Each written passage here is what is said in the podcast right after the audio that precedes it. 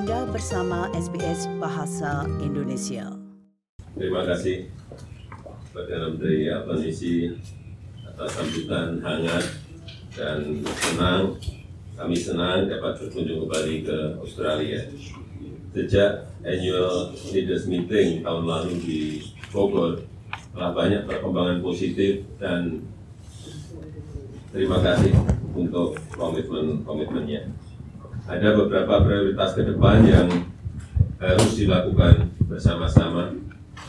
Antara lain, yang pertama, Indonesia dan Australia harus membangun kerjasama ekonomi yang lebih substantif dan strategis melalui pengembangan bersama produksi baterai EV. Yang kedua, terkait perdagangan sejak berlakunya Indonesia Australia SEPA, volume perdagangan naik 90 persen.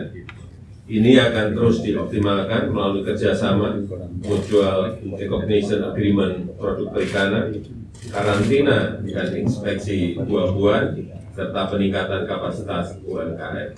Yang ketiga, terkait pengurangan emisi karbon, kita fokus mendorong implementasi kerjasama dan pembangunan carbon capture and storage serta smelter orientasi energi hijau di Indonesia.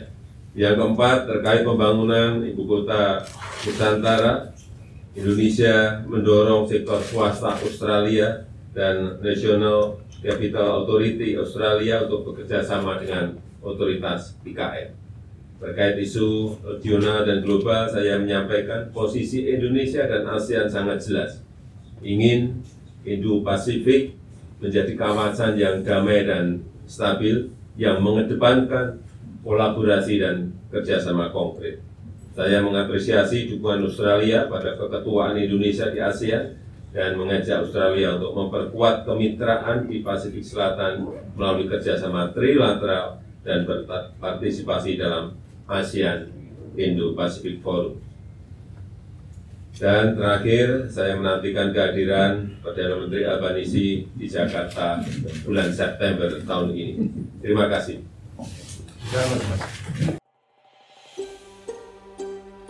Sukai, berbagi, komentar. Ikuti SBS program Bahasa Indonesia di Facebook.